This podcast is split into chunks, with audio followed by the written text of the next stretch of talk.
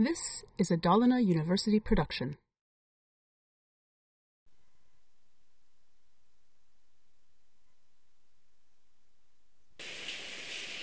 Då kör vi igång med arrayer. Arrayer kan ses som en liten behållare i vilket vi lägger gemensamt data. Istället för att hålla data i enskilda variabler så kan vi skapa upp en array i vilken vi lägger in flera data.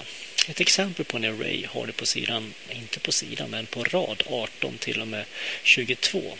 Dels ser du hur man skapar en array. Först skapar man upp en variabel. Eh, jag kallar den för bilar. Den här initieras då den här variabeln med hjälp av nyckelordet new och sen array. Och sen talar man om hur många platser som finns i den här arrayen, fyra stycken. Så här har jag alltså skapat upp en array som heter bilar och den har plats för fyra stycken olika element. Eh, Elementen har olika indexpositioner. Om vi tittar då på bilar 0. Det här är indexpositionen 0 som innehåller elementet BMW datat BMW. Det här är indexpositionen 1 som innehåller datat eller elementet Saab. Och det här är 2 som innehåller elementet Volvo. Och sen tre som innehåller elementet Audi. Så array består av två delar. En indexposition och dess element. Där har jag alltså skapat upp arrayen. Du kan även skapa upp som på rad nummer 25 en array där du inte talar om hur många element som finns här utan här kan vi skapa, fylla på med hur många element som helst i den här arrayen. Det kan man i och för sig i den första också men eh, i det här fallet på rad 25 så skapar jag upp en tom array och sen fyller jag på allt eftersom. Och det gör jag i den här for-loopen. Det här är en for-loop som körs 10 varv. Och för varje varv i loopen så slumpar jag eh, ett nytt tal mellan 0 och 6 och det läggs i den position, den indexposition som i för närvarande finner sig på. Och i första varvet i loopen så är ju i 0, alltså på indexposition 0 lägger vi in det här slumptalet. Räknar upp i med 1, då hamnar vi på en ny indexposition i arrayen, nämligen ettan och slumpar ett nytt tal som läggs i ettan. Så här fortsätter den 10 varv 10 gånger. Och vi lägger in olika slumptal på positionen från 0 till och med 9. Så i det här fallet så har jag då skapat upp en array. Jag har inte från början talat om hur många positioner som finns här utan det bestäms av den här for-loopen. Och då kommer det att bli 10 element eller 10 positioner i den här arrayen. Och sen slumpar jag dem allt eftersom. Därefter så vill jag visa innehållet och då har jag gjort en funktion som heter output array som tar två stycken argument. Arrayen bilar innehåller och så skickar jag med arrayen. Vad gör den här funktionen bilar då? Vi tittar på rad nummer 39. Den tar emot lite text, nämligen arrayen bilar innehåller och så tar den emot arrayen som kommer in. Eh, sen finns det då ett antal eh, document.writeln-satser som skriver ut lite information i den här tabellen. Men det blir intressant på rad nummer 49 när vi har den här eh, loopen som ska loopa igenom arrayen och visa information ur arrayen.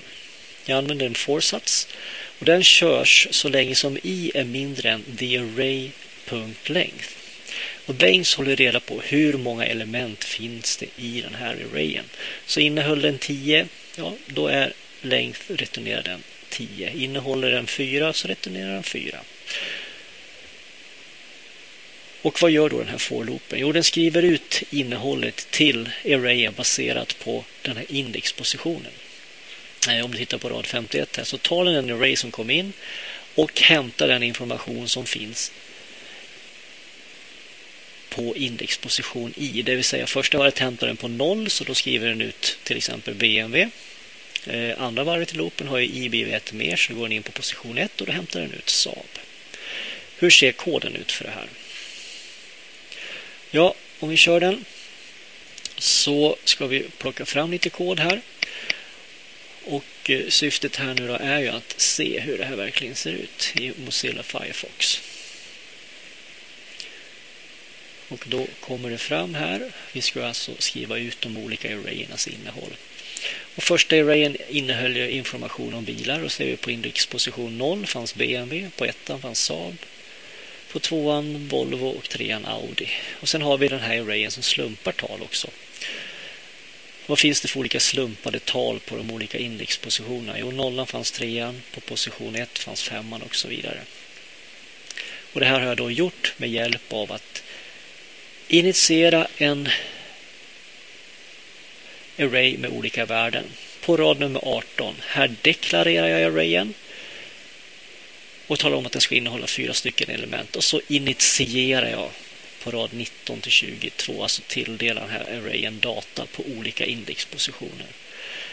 Eh, på rad 25 så deklarerar jag en array och sen på raderna 28 till 29 så initierar den här arrayen med data. Och sen så ska jag skriva ut lite grann information om vad de här arrayerna innehåller för någonting. Och då är det egentligen rad 49 som är intressant. Hur man loopar igenom en array. Ja, du måste börja på indexposition 0 och fortsätta så länge som det finns element kvar i arrayen. Och då sätter vi i mindre än the array.length. Och genom att vi har den här i nu som räknas upp för varje varv i loopen så kan vi använda det värde som i har och plocka ut på rad 51 data ur den indexposition som i har för tillfället i